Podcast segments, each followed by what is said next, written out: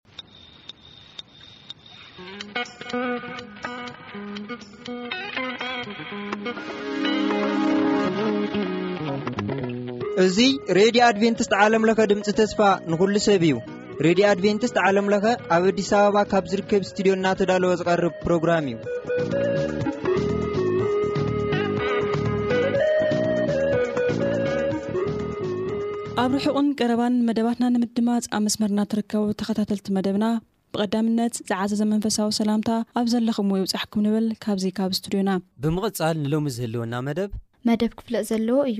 ምሳና ጽንሑ ሰናይ ምክትታል።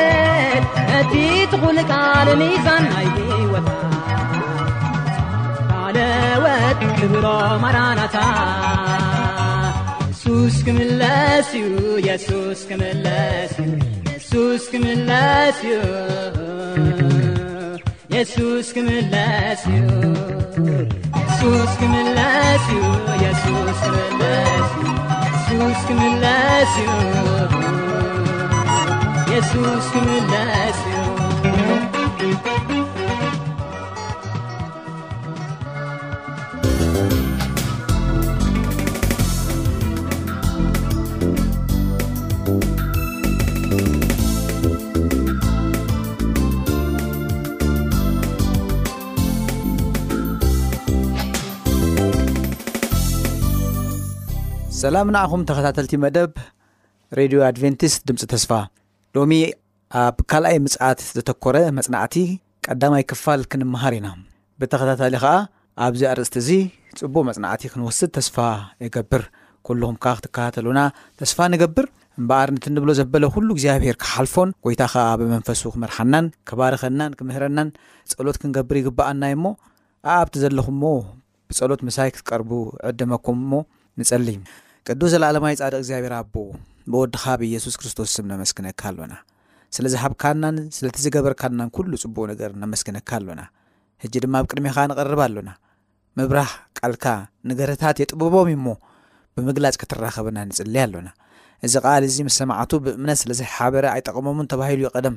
ሕጂ ግን ንዓና ዝጠቕመናን ዝባርኸናን ክኸውን ድማ ንጽሊ ኣሎና። ጎይታ ብዛዕባ እቲ ዓብዪ ተስፋ ብዛእባ ካልኣይ ምጽኣትካ ንዛረብ ኣሎና። ስለዚ መንፈስካን ሓይልኻን የድልየና እዩ እሞ ብመንፈስካ ክትመርሓና ንጽሊ ኣሎና። ምሳና ኩን ኣይትፈለየና ብሽም የሱስ ኣሜን። ሕራይ እምበኣር ኣሕዋት ሎሚ ከምቲ ኣቐድም ኣቢለ እተዛረብክዎ ካልኣይ ምጽኣት የሱስ ክርስቶስ ከመይ ክኸውን እዩ ካልኣይ ምጽኣት የሱስ ክርስቶስ እንታይ ይመስል ንካልኣይ ምጽኣት የሱስ ክርስቶስ እንገብሮም ምድላዋት ከመይ ክኸውን ይግብኦ ካልኣይ ምጽኣት ኣብ ዝብል ሰፊሕ ኣርእስቲ ዝተፈላለየ ጥቕሲ መፅሓፍ ቅዱስ እናወሰድና ከነፅንዕ ኢና ስለዚ እግዚኣብሄር ምሳና ክኸውን እዩ ብዛዕባ ካልኣይ ምፅኣት ክንሓስብ ከለና ብዙሓት ሰባት ናይ ምስንባድ ወይ ድማ ናይ ምስካፍ ባህሪ ይረኣዮም ከምኡ ዓይነት ስምዒት ከዓ ይስምዖም ገለ ድማ ናይ ሓጎስ ገለ ከዓ ኣይ ሓጎስ ኣይ ሓዘን ዝስምዖም ሰባት ኣለዉ ግናኸ እግዚኣብሔር መስገን ኣብ መፅሓፍ ቅዱስና ካብቲ ዝተዋሃበ እቲ ዝዓበየ ተስፋ ንድሕር ሃልዩ ኮይኑ እሱ የሱስ ክርስቶስ ካልኣይ ብክብሪ ከም ዝግለፅ ከም ዝምለስ እዩ ምክንያቱም የሱስ ክርስቶስ ካልኣይ ናብዚኣ ምድሪ እዚኣ ዝመጸሉ ምኽንያት ኣለዎ። እንሆ ቀልጢፈ እመጽእ ኣለኹ፣ ንነፍሲ ወከፍ ከከም ግብሩ ክፈድዮ ዓስበይ ምሳይ እዩ ኢሉ ኣሎ። ስለዚ እቲ ዘተስፈወና ዘበለ ኩሉ ክህበና እዩ። እቲ ሃዋርያት ኣብዚ ዘመን እዚ ኣብዚ ምድሪ እዚ ኣብ ዝነበርሉ እዋን ንሕና ኢሎም ኣሎ ንሃገርና ኣብ ሰማያት ካብኣኻ ክርስቶስ መድሓኒ ንጽበ ኣሎና እዩ። ናይ ዘመንን ናይ መዋእል ትጽቢት ስለ ዝኾነ እዩ የሱስ ክርስቶስ ካልኣይ ብኽብሪ ዝመጸሉ ምኽንያት። ስለዚ ነዚን ካልእ ነዚ ዝመስልን ብዙሕ በረኸታት ምስ ምምጻእ የሱስ ክርስቶስ ዝተሓሓዝ ሓሳባት ሎሚ ከነጽንዕ ኢና። እምበኣር ኣብ እብራውያን ምዕራፍ ትሽዓተ ፍቕዲ ዕስራን ሸሞንተን ንመእተዊ ጥቕስና ከነንብብ ኢና የሱስ ካልኣይ ግዜ ናብዛ ምድሪ እዚ ከም ዝምለስ ዘረጋግጽ ሓሳብ ድማ ኣብኡ ክንረክብ ኢና ኣብ እብራውያን ምዕራፍ ትሽዓተ ፍቕዲ ዕስራን ሸሞንተን ከምዚ ኢሉ ተጻሒፉ ኣሎ ከምኡ ኸኣ እቲ ንሓጢኣት ብዙሓት ከርሕቕ ኢሉ ሓንሳእ እተሰውአ ክርስቶስ ንምድሓን እቶም ዝጽበይዎ ካልኣይ ግዜ ብዘይ ሓጢኣት ክግለጽ እዩ ይብል ኣሜን እሞ መጽሓፍ ቅዱስና ኣብዚ ኣብዚ ፈላሚ ጥቕሲ ኣብ ዕብራውያን ምዕራፍ ትሽዓተ ፍቕዲ ዕስራን ሸሞንተን የሱስ ንሱ ንሓጢኣት ብዙሓት ከርሕቕ ኢሉ ዝተሰወአ ንብዙሓት ሓጢኣት ከርሕቕ ኢሉ ርእሱ ዝሓበ ኣሕሊፉ ዝሓበ ደሙ ዘፍሰሰ እዚ ክርስቶስ እዚ በዓሉ እዚ ቀዳማይ ዝመፀአ ቀዳማይ ምጽኣቱ ንሓጢኣት ብዙሓት ከርሕቕ ብመስዋእቲ እተገለጸ የሱስ ክርስቶስ ሕጂ ድማ ንምድሓን ብዙሓት ካልኣይ ግዜ ክመጽእ እዩ ኣብዚ ጥቕሲ ከነንብቦ ከለና ንምድሓን እቶም ዝጽበይዎ ዝብል ኢንፋሳይዝ ዝኾነት ቃል ተጠቂሙሎም ንምድሓን እቶም ዝጽበይዎ መን እዮም ዝጽበይዎ ናብቶም ዝጽበይዎ እዩ ዝመጽእ ምክንያቱም ነቶም ዝጽበይዎ ዘበሉ ኩሉ ናይ የሱስ ክርስቶስ ካልኣይ ግዜ ምምጻእ ንምድሓን እዩ ዝኸውን ንምድሓን እዩ ዝኸውን ምክንያቱም ካልኣይ ግዜ ክመጽእ ከሎ ከምቲ ቀዳማይ ኣመጻጽኡ ብሓጢኣት ኣይኮነን ዝግለጽ ወይም ንናይ ብዙሓት ሓጢኣት ክርሕቕ ኣይኮነን ዝግለጽ የሱስ ክርስቶስ ንምድሓን እቶም ዝጽበይዎ ካልኣይ ግዜ ብዘይ ሓጢኣት ክግለጽ እዩ እዩ ዝብለና ኣብዚ ጽሑፍ እዚ ስለዚ ኣነ ንስኻትኩምን ካብቶም ንምድሓን ምግላጽ የሱስ ክርስቶስ ዝጽበዩ ሰባት ክንከውን ሎሚ የድልየና ኣሎ ኣሕዋት እምበኣር ቀጺልና ነንበባ ጥቕሲ ኣብ ዮሃንስ ምዕራፍ 14 ፍቕዲ ሰለስተ ኣዝያ ኣገዳሲት ብዙሕ እዋን ንደጋግማን እንፈልጣን ኣዝያ ምጽንናዕ እትህበና ክፍሊ ጽሑፍ ድማ እያ። እንታይ ይብል ኣሎ ኣብኡ ኣብ ፍቕሪ ሰለስተ ከይደ ስፍራ ምስ ኣዳለኹልኩም ኣብቲ ኣነ ዘለኹዎ ንስኻትኩምውን ኣብኡ ምእንቲ ክትኾኑስ ተመሊሰ ክመጽእ እየ እሞ ናባይ ክወስደኩም እየ እንታይ ኢሉ ኣሎ ክኸይድ እየ ኢሉ ኣሎ የሱስ ክርስቶስ ነዚኣ ቃል እዚኣ ዝዛረባ ዘሎ ኣብዚ ምድሪ እዚ ኣብ ዝነበረሉ ናይ ምድሪ ኣገልግሎቱ ወዲዑ ኣጠናቂቑ ናብ ሰማይ ክዓርግ ክኸይድ ኣብ ዝተበገሰሉ እዋን ናይ መወዳእታ ናይ መፀናንዒ ቃል ንደቀ መዛሙርቱ ብኡ ኣቢሉ ከንዓና ክዛረብ ከሎ ዝበላ እያ የሱስ ኣብቲ ዘረብኡ እንታይ ኢሉ ኣሎ ከይደ ስፍራ ከዳልወልኩም እየ ኢሉ ርጉፅ ዝኾነ ሓሳብ መሊሱ ድማ ኣብቲ ኣነ ዘዳለኽዎ ንስኻትኩምን ኣብኡ ምእንቲ ክትኮኑስ ተመሊሰ ክመጽእ እየ እሞ ናባይ ክወስደኩም እየ የሱስ ካልኣይ ግዜ ናብዚ ምድሪ እዚ ይምለስ ምዃኑ እዚ ከዓ ብትኽክል ይነግረና ኣሎ ተመሊሰ ክመጽእ እየ ኢሉ ካልኣይ ግዜ ክግለጽ እየ ዝብ ዘሎ እዚ ዝመፀሉ ምኽንያት ድማ ኣብቲ ዘዳለኹልኩም ስፍራ ኣብኡ ክወስደኩም እየ። ኣብቲ ኣነ ዘዳለኽዎ ንስኻትኩም ከኣ ኣብኡ ምሳይ ምእንቲ ክትኮኑ ናተይ ክትኮኑ ኣነ ኣምላኽኩም ንስኹም ከኣ ህዝብን ውሉድን ክትኮኑኒ ተመሊሰ መጽኤ ክወስደኩም እየ ኣብዚ ደስ ትብለኒ ቃል ኣላ ናባይ ትብላል ናባይ ክወስደኩም እየ ኣብኡ ምእንቲ ምሳይ ክትኮኑ ትብል ኣላ ንዓና ብሽምና ንነፍሰከፍና እግዚኣብሄር ሰስፍራ ኣዳልና ኣሎ ቃል እግዚኣብሔር ኣምላኽ ከም ዝብሎ ዓይኒ ዘይረኣየቶ እዝኒ ዘይሰምዓቶ ኣብ ልቢ ሰብ እውን ከቶ ዘይተሓስበ እግዚኣብሄር ነቶም ዘፍቅርዎ ከምቲ ኣንቶይ ዝበልናዮም ነቶም ዝፅበይዎ ቦታ ኣዳልዩሎም ኣሎ ይብሉ ኣሕዋተይ ዓይኒ ዘይረኣየቶ እዩ ይብሉ እዝኒ ዘይሰምዓቶ ከዓ እዩ ዝብል ዘሉ ኣብ ልቢ ሰብ ዘይተሓስበ እዩ ብዙሕ ግዜ ኣነ እኳ ብግለይ ብድኻመይ ብዛዕባ እዚ መስኪርን ሰቢኸን ኣለኹ ብዙሓት ናይ ዓለምና ዓበይቲ ሰበኽቲ ናይ ወንጌል ሰባት ነዚ ነገር ሰቢኸሞ ኣለዉ እንተኾነ ግን ዓይኒ ዘይረኣየቶ እዝኒ ከኣ ዘይሰምዓቶ ኣብ ልቢ ሰብ ከኣ ዘይተሓስበ ጎይታ ነቶም ዝጽበይዎ ኣዳልዩሎም ኣሎ እዚ ሓንቲ ንእሽተይ ነገር ካብኡ ክገልጽ ኣይከኣለን እዚ ኩሉ ስብከትና እዚ ኩሉ ዘረባ እዚ ኩሉ ምስክርነት እዚ ኩሉ ምግላጽ ዘበለ ምክንያቱ ዓይኒ ዘር ኣብ ልቢ ሰሙ ዘይተሓስበ ፅባቐ ናይቲ ጎይታ ኣዳልና ካልኣይ ግዜ ክወስደና ሓሲብዎ ዘሎ ርስቲ መወዳእትኡ መግለፂ ዘይብሉ እዩ ብዒንትና ምስ ረኣናዮ ጥራሕ ኢና ሙሉእ ምርዳእ ክህልወና ዝኽእል ስለዚ የሱስ ክርስቶስ ካልኣይ ግዜ ናብዛ ምድሪ እዚኣ ክምለስ ምዃኑ እዚ ከነንብቦ ዝጸናሕና ጥቕስታት ይገልጻልና እየን። ግን ኣሕዋተየ የሱስ ክርስቶስ ካልኣይ ግዜ ብኽብሪ ክመጽእ እዩ ብኸመይ ዝበለ ኣገባብን ኩነታትን እዩ የሱስ ክርስቶስ ካልኣይ ናብዚ ግዜ እዚ ዝምለስ ብኸመይ እዩ ዝምለስ ምክንያቱ የሱስ ክምለስ ምዃኑ ፈሊጥና ኣለና ኣገባብ ኣመጻጽኡ ኩነታት ናይ የሱስ ክርስቶስ ካልኣይ ምምላስ ከዓ ምግላጽ ከመይ ዝበለ እዩ? ብዙሓት ሰባት የሱስ ክርስቶስ ብዝተፈላለየ መገዲ ይመጽእ ኢሎም ይገልጽዎ እዮም። ኣነ ንስኻትኩምን ሎሚ መጽሓፍ ቅዱስ እንታይ ከም ዝብል ግና ክንርኢ ኢና። ኣብ ግብረ ሃራት ምዕራፍ ሓደ ፍቕዲ ትሽዓተ ክሳብ ዓሰርተ ሓደ ከምዚ ዝብል ቃል ንረክብ እዚ ምስ በለ ድማ ይብል እናረኣይዎ ዓረገ የሱስ ክርስቶስ እጁን ናይ ምድሪ ኣገልግሎቱ ኩሉ ፈጺሙ ናብ ሰማይ ክዓርግ ኣብ ዝተዳለወሉ እዋን እተን ናይ መወዳእታ ቃላት ንደቀ መዛሙርቱ ክዛረቦም ከሎ ዘሎ ሓሳብ እዩ። ይፋነዎም ኣለዉ ኣብዚ ድሕሪ ደጊም ንየሱስ ክርስቶስ ብስጋ እናተመላለሰ ኣይክርእይዎን ስለ ዝኾኑ ናይ ምሕፅንታን ናይ ዕማምን ወይ ከዓ ኮሚሽን ናይ ምሃብ ዘረባ ይዛረቦም ኣሉ ድሓር ብል እናርኣይዎ ኣረጋይ ዘረባ እዚ ምስ ወደአ ድሓር እቲ ጽሑፍ ክቕጽል ከሎ ከም ዝብል ካብ ኣዒንቶም ከኣ ደበና ተቐበሎ ኣብ ውሽጢ ደበና ኣተወ ጋሪድዎም ተሸፊኑ ፍቕዲ ዓሰርተ ንሱ ክዓርቕ ከሎ ይብል ኣሎ ንሳቶም ከኣ ናብ ሰማይ ገጾም ክጥምቱ ከለዉ እንሆ ጻዕዳ ክዳውንቲ እተኸድኑ ክልተ ሰብኡት ኣብ ጥቓኦም ደው ኢሎም ነበሩ እሞ ኣቶም ሰብ ገሊላ ስለምንታይ ናብ ሰማይ እናጠመትኩም ደው ኢልኩም ዘለኹም እዚ ኻባኻትኩም ናብ ሰማይ ዝዓረገ የሱስ ከምቲ ናብ ሰማይ ክዓርግ ከሎ ዝረእኹምዎ ከምኡ ገይሩ ኸዓ ክመጽእ እዩ በልዎም ዘገርም እዩ ስለዚ እዞም ፃዕዳ ክዳውንቲ ተኸድኑ ክልተ ሰብኡት መላእኽቲ እዮም ስለዚ እንታይ ኢሎም ኣብ ጥቕኦም ደው ኢሎም ነበሩ እሞ እዚ ካብ ኣዒንትኹም ከምዚ እንዳበለ ዝኸደ የሱስ ኢሎመሉ ምክንያቱም ኣዒንትኹም ከምዚ ክዓርግ ከሎ ዝረኣኹሞ የሱስ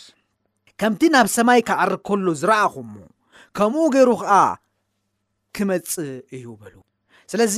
ከምቲ ዝረኣኹሞ እዩ ዝብ ዘሎ ከምቲ ናብ ሰማይ ክዓርግ ከሎ ዝረኣኹሞ ከምኡ ገይሩ ከዓ ክመፅእ እዩ በልዎም ኣብቲ ናይ እንግሊሽ ከንብብ ከለኹ እንታይ ዝብል the same ጂሰስ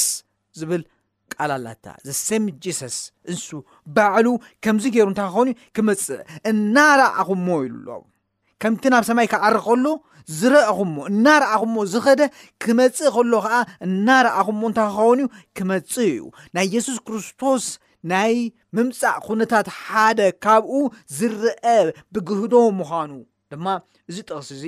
ከመልክተልና ይኽእል የሱስ ክርስቶስ ካልኣይ ክመጽእ እዩ ብምስክርነት ተዘሪቡ ኣሎ የሱስ ተዛሪብዎ ኣሎ እዚ ሓሳብ እዚ እዞም ጻዕዳ ክዳውንቲ እተኸድኑ ክልተ ሰብኡት እውን ነዚ ሓሳብ እዚ መሊሶም ኣረጋጊጾሞ ኣለዉ እቲ ዝረኣኹሞ የሱስ ከምቲ ዝረኣኹሞ ከምኡ ገይሩ ከዓ እንታ ክኸውን ክምለስ እዩ ኢሎሞም ኣለ ማቴዎስ ምዕራፍ 24 ፍቕዲ ሰላሳ ድማ ከምዚ ይብል ሽዑ ትእምርቲ ወዲ ሰብ ኣብ ሰማይ እንታይ ክኸውን ይብል ኣሎ ትእምርቲ ኣብ ሰማይ ክረአ እዩ ምልክት ኣብ ሰማይ ክረአ እዩ ሽዑ ድማ ኩሉ ዓሌታት ኣህዛብ ምድሪ ክበኽዩ ንወዲ ሰብ ከዓ ብብዙሕ ሓይልን ግርማን ደበናን ሰማይ ክመፅእ ከሎ ክርእዎ እዮም ይብል ኣሎ ኣሜን ስለዚ የሱስ ክርስቶስ እምበኣር ኣብዚ እውን ንሱ እቲ ወዲ ሰብ ተጠቒሱ ዘሎ ወዲ ሰብ ኣብ ሰማይ ትእምርቱ ምልክቱ ምምጻእ ምልክት ናይ የሱስ ክርስቶስ ክረአዩ ኢሉ ሽዑ ገለ የሱስ ክርስቶስ ክመጽእ ከሎ ዝፍጸሙ ኩነታት ኩሎም ዓሌታት ኣህዛብ ምድሪ ክበኽዩሉ እዮም ኢሉ ኣሎ ክበኽዩ እዮም ኢሉ ኣሎ ዋይ ዋይ ክብሉ እዮም ጎቦ ጽቐጡና ምድሪ ወሓጥና መጥፍኢ መኸወሊ ክደልዩ እዮም ኣብ ዘይሰምዖም ደርቢ ኩሉ ክመሃላሉ ምዃኖም ይዛረብ ኣሎ ኩሎም ዓሌታት ኣህዛብ ምድሪ ክበኹ እዮም ንወዲ ሰብ ከዓ ብብዙሕ ሓይልን ግርማን ብደበና ሰማይ ክመፅእ ከሎ ክርእይዎ እዮም ይብል ኣሜን ስለዚ የሱስ ክርስቶስ ኣብዚ ምድሪ እዚ ብኸመይ ኩነታት እዩ ካልኣይ ግዜ ዝምለስ ኢልና ንውስኾ ሓሳብ እምበኣር ኣብዚ ኣብ ሰማይ ናይ ናይ የሱስ ክርስቶስ ምምፃእ ትእምርቲ ምልክት ክረአ እዩ የሱስ ክርስቶስ ቅልቅል ምስ በለ ምስ ተረኣየ የሱስ ክርስቶስ ምዃኑ ምስ ተገሃደ ድማ ኩሎም ክፉእ ገበርቲ ዓሌታት ኣህዛብ ምድሪ ክበኽዩ እዮም ከምኡ ድማ ብብዙሕ ሓይልን ግርማን ብደበና ሰማይ ክመጽእ ከሎ ክርእይዎ እዮም ዝብል ካልእ ተወሳኺ ሓሳብ ካብዚ ንረክብ ኣሎና ስለዚ ብብዙሕ ሓይልን ግርማን ብደበና እዩ ዝመጽእ ክመጽእ ከሎ ከምዚ ኢሉ ከዓ እዚ ኩሉ ከዓ ክረኣ እዩ እዚ ኩሉ ዝረአ እዩ ኣብ ሰማይ ትእምርቲ ክኸውን እዩ ብብዙሕ ሓይልን ግርማን ብደበናን ሰማይን ደበና ጎልቢብዎ ብደበና ተዓጅቡ ብመላእኽቲ ሰማይ ኩሉ ተዓጅቡ የሱስ ክርስቶስ ከም ዝመጽእ እዚ ኩሉ ዝረኣዩ ብዙሓት ሰባት የሱስ ክርስቶስ ስሉኽ ኢሉ ከም ዝመጽእ ዝኣምኑ ኣለዉ ብመንፈስ ኮይ ዝመጽእ ገይሮም ዝሓስብዎም ዝተረድዎም ብዙሓት ሰባት ኣለዉ እዚ ዘሕዝን እዩ የሱስ ክርስቶስ ከም ሰራቂ ክመጽእ እዩ ዝብሉ ሰባት ኣለዉ ኣብ መጻጻ የሱስ ክርስቶስ ሰራቂ ኩነታት ናይ ምምፅኡ ከም ሰራቂ ዘይረአ ድንገት ዝመጽእ ዝብሉ ሰባት ከኣ ኣለዉ ምናልባት ከም ሰራቂ መፅኡ ድሓር ክንሪኦ ኢና ከም ሰራቂ ከም ዝምፅእ መፅሓፍ ቅዱስ ብትክክል ይዛረብ እዩ ግን ኣሕዋት ሓደ ነገር ክንፈልጥ ይግባኣና ንሱ ከዓ እቲ ኩነታት ናይ የሱስ ክርስቶስ እዚ ከም ሰራቂ ይመፅ ዝብል ሓሳብ ንምግላፅ እ ዝፍትን ዘለኹ እቲ በዓል ቤት ሲ ኢሉ ኣሎ መፅሓፍ ቅዱስና ሰራቂ መዓስ ከም ዝመፅእ ኣይፈልጥን እዩ ኢሉ ኣሎ እቲ ግዜ ዘይፍለጥ ምኳኑ ንክዛረብ እምበር የሱስ ከይተረኣየ ኣቱ ማለት ኣይከሉን የሱስ ከይተገለጸ ይመጽእ ማለት ግን ኣይኮነን ግን ብድንገት ይመጽእ ከም ዝኾነ ንክዛረብ እዩ እንተዘይኮይኑ ኣብዚ ደበና ዝብል ኣሎ ደበና ዝረአ ነገራት እዩ ኣብ ሰማይ ኣብ ሰማይ ትእምርቲ ክኾኑ ይብላሉ ብዙሕ ሓይልን ግርማን እኳ ደኣ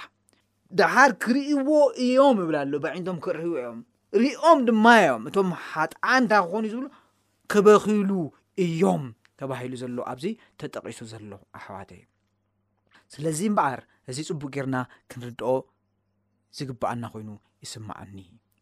ኣብ ካልእ ጽሑፍ ክንከይድ ኢና ሉቃስ ምዕራፍ 24 36 ክሳብ 43 ከምኡ ሓሊፍና ሓምሳ ሓምሳን ሓደን ዘሎ እዚ ክዘራረቡ ከለዎ ከዓ የሱስ በዓሉ ኣብ ማእኸሎም ደው ኢሉ ሰላም ንኣኻትኩም ይኹን በሎም ንሳቶም ድማ መንፈስ ዝረኣዩ መሲልዎም ፈሪሆም ሰንበዱ። ንሱ ኸኣ እንታይ ኹንኩም ኢኹም ትስንብዱ? ከምዚ ሓሳብከ ስለምንታይ ኣብ ልብኹም ይለዓል? ኣነ ባዕለይ ምዃነ ኣእዳወይን ኣእጋረይን ረኣዩ። ከምዚ ንዓይ ዘሎኒ ትርእይዎ ዘለኹም ንመንፈሲ ስጋን ዓጽምን የብሉን እሞ ኣረምሲስኩም ረኣዩኒ በሎም። እዚ ኹሉ እዚ ኢሉ ኣእዳውን ኣእጋሩን ኣርኣዮ። ንሳቶም ከኣ ተገሪሞም ብሓጎሶም ምኽንያት ገና ምእማን ስለ ዝሰኣኑ ንሱ ገለ ዝብላዕዶ ኣብዚ ኣለኹም በሎም ንሳቶም ከዓ ምቃል ጥቡስ ዓሳን ጎጎ መዓር ሃብዎ ተቐቢሉ ኣብ ቅድሚኦም በልዐ ንወፃኢ ድማ ክሳብ ቢታንያ ወሰዶም ኢዱ ኣዕልዕሉ እውን ባርኾም ኮነ ድማ ክባርኾም ከሎ ካባታቶም ተፈለየ ናብ ሰማይ እውን ዓረገ ኣሕዋት እምበኣር እዚኦም ናይ ሰብ ኤማውስ ኢልና እንጠቕሶም ሰባት እዮም ስለዚ እዚ ንባብ ኣቅድም ኣቢልና ንድሕር ኣንቢብናዮ ኮይንና ኣብ መፅሓፍ ቅዱስ ከፊትና እዞም ሰብ ኤማውስ ብናይ የሱስ ክርስቶስ ካልኣይ ግዜ ምምፃእ ናይ ተስፋ ሲ ኣጥፊኦም ዝነበሩ እዮም የሱስ ካልኣይ ብኽብሪ ኣይመጽእን እዩ የሱስ ኣይትስእን እዩ መይቱ ተሪፉ እዩ ንሕና ተስፋ ዝገበርናሉ ንሱ እዩ ኢሎም ምሳታቶም ኮይኑ ው እናተዘራረበ ክኸይድ ከሎ ከምኡ ኢሎሞ እቶም ሰበ ኤማዎስ ከምዚ ዝኣመሰለ ነገራት ገይሮም እዮም ግን ክዛረብ ከሎ ከዓ የሱስ ባዕሉ ኣብ ማእኸሎም ደው ኢሉ ሰላም ንኣኻትኩም ይኹን በሎም እዞም ቶም ደቂ መዛምርቱ እዮም ንሳቶም ድማ መንፈስ ዝረኣዩ መሲሎም ፍሪሖም ሰንበዱ እዩ ንሱ ከዓ እንታይ ኮንኩም ኢኹም እትስንብዱ ከምዚ ሓሳብ ስለምንታይ ኣብ ልብኹም ይለዓል ናይ ዘይምእማን መንፈስ ኣዝዩ ከቢድ እዩ ግን የሱስ ንሱ ባዕሉ ምዃኑ ኣነ ባዕለይ ምዃነይ ኣእዳወይን ኣእጋረይን ራእዩ ኣረምስሱኒ ራእዩኒ ኢሉ ንመንፈስ ኢሉ ስጋን ዓጽምን የብሉን እሞ ኣይትደናገሩ ኣረምሲስኩም ከኣ ረኣዩኒ ንሳቶም ከኣ ረኣይዎ ተገሪሞም ካብ ብዝሒ ሓጎሶም ግና ገና ምእማን ገለ ክውሰዶ የሱስ ከዓ ገለ ዝብላዕ ዶ ኣብዚ ኣሎ ስለዚ የሱስ መይቱ ተሪፉ እዩ በቃ ተስፋ ዝገበርናሉ እዚ ኢሎም ኢለኩም ፀኒሕትዮም ሰብ ኤማዎስ የሱስ ግና ንሱ ባዕሉ ምዃኑ ከምዚ ኣብዚ ንገልፂ ተገሊፁ ዘሎ ኣነ ባዕለይ ኣይበሎምን ግን ኣንታይ ገይርዎም ክነግሮም ጀሚሩ ብዛዕባኡ ተፃሒፉ ዘሎ ኩሉ ካብ መፅሓፍ ቅዱስ ካብቲ ኦሪት እናነገሮም ከዓ ክኢሉ ወዲ ሰብ ኣሕሊፉ ከም ዝወሃብ ክስቀል ከም ዝኾነ ከም ዝመውት ኣብ ሳልስቲ ከዓ ከም ዝትስእ ከም ዝዓርግ ተመሊሱ ከም ዝመፅእ ኩሉ ነጊሮም ነይሩ እዚ ዘምእማኖም ብዙሕ ምጥርጣር ኣብኡ መእትዩ ብዙሕ ተስፋ ምቑራፅ ኣምፅኡሎም እቲ ዝፈትዎ ተስፋ ዝገበርሉ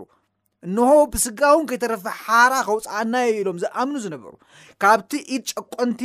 ሮማውያን ሓርነትን ካብቲ ባርነትን ናፅነት ክህበና ኢሎም ዝኣምንዎ ዝነበሩ ሰብ እዩ ብኡ ኣንደልሒፆም ተስፋ ቆሪፆም ነይሮም ንሱ ግና ንሱ ባዕሉ ምዃኑ እቲ ተስፋ ገና ከም ዘይሞተ ተመሊሱ ከም ዝመፅእ ሕጂ ግና ክዓርግ ከም ዝኸይድ እዚ ምስ በሎም ይብል እቲ ጽሑፍ ኮነ ድማ ክባርኾም ከሎ ካባታቶም ተፈለየ ናብ ሰማይ እውን ዓረገ እግዚኣብሔር ይመስገን ስለዚ እቲ ቃሉ ከም ዝብሎ ከምቲ ናብ ሰማይ ክዓርግ ከሎ ዝረኣኹሞ የሱስ ከምኡ ኸይሩ ኸዓ ካልኣይ ብኽብሪ ብደበና ብብዙሕ ሓይልን ግርማን ክምለስን ክመጽእን እዩ የሱስ ጎይታ እዩ ክርስቶስ ዳግም ብኽብሪ ክምለስ እዩ ኣሜን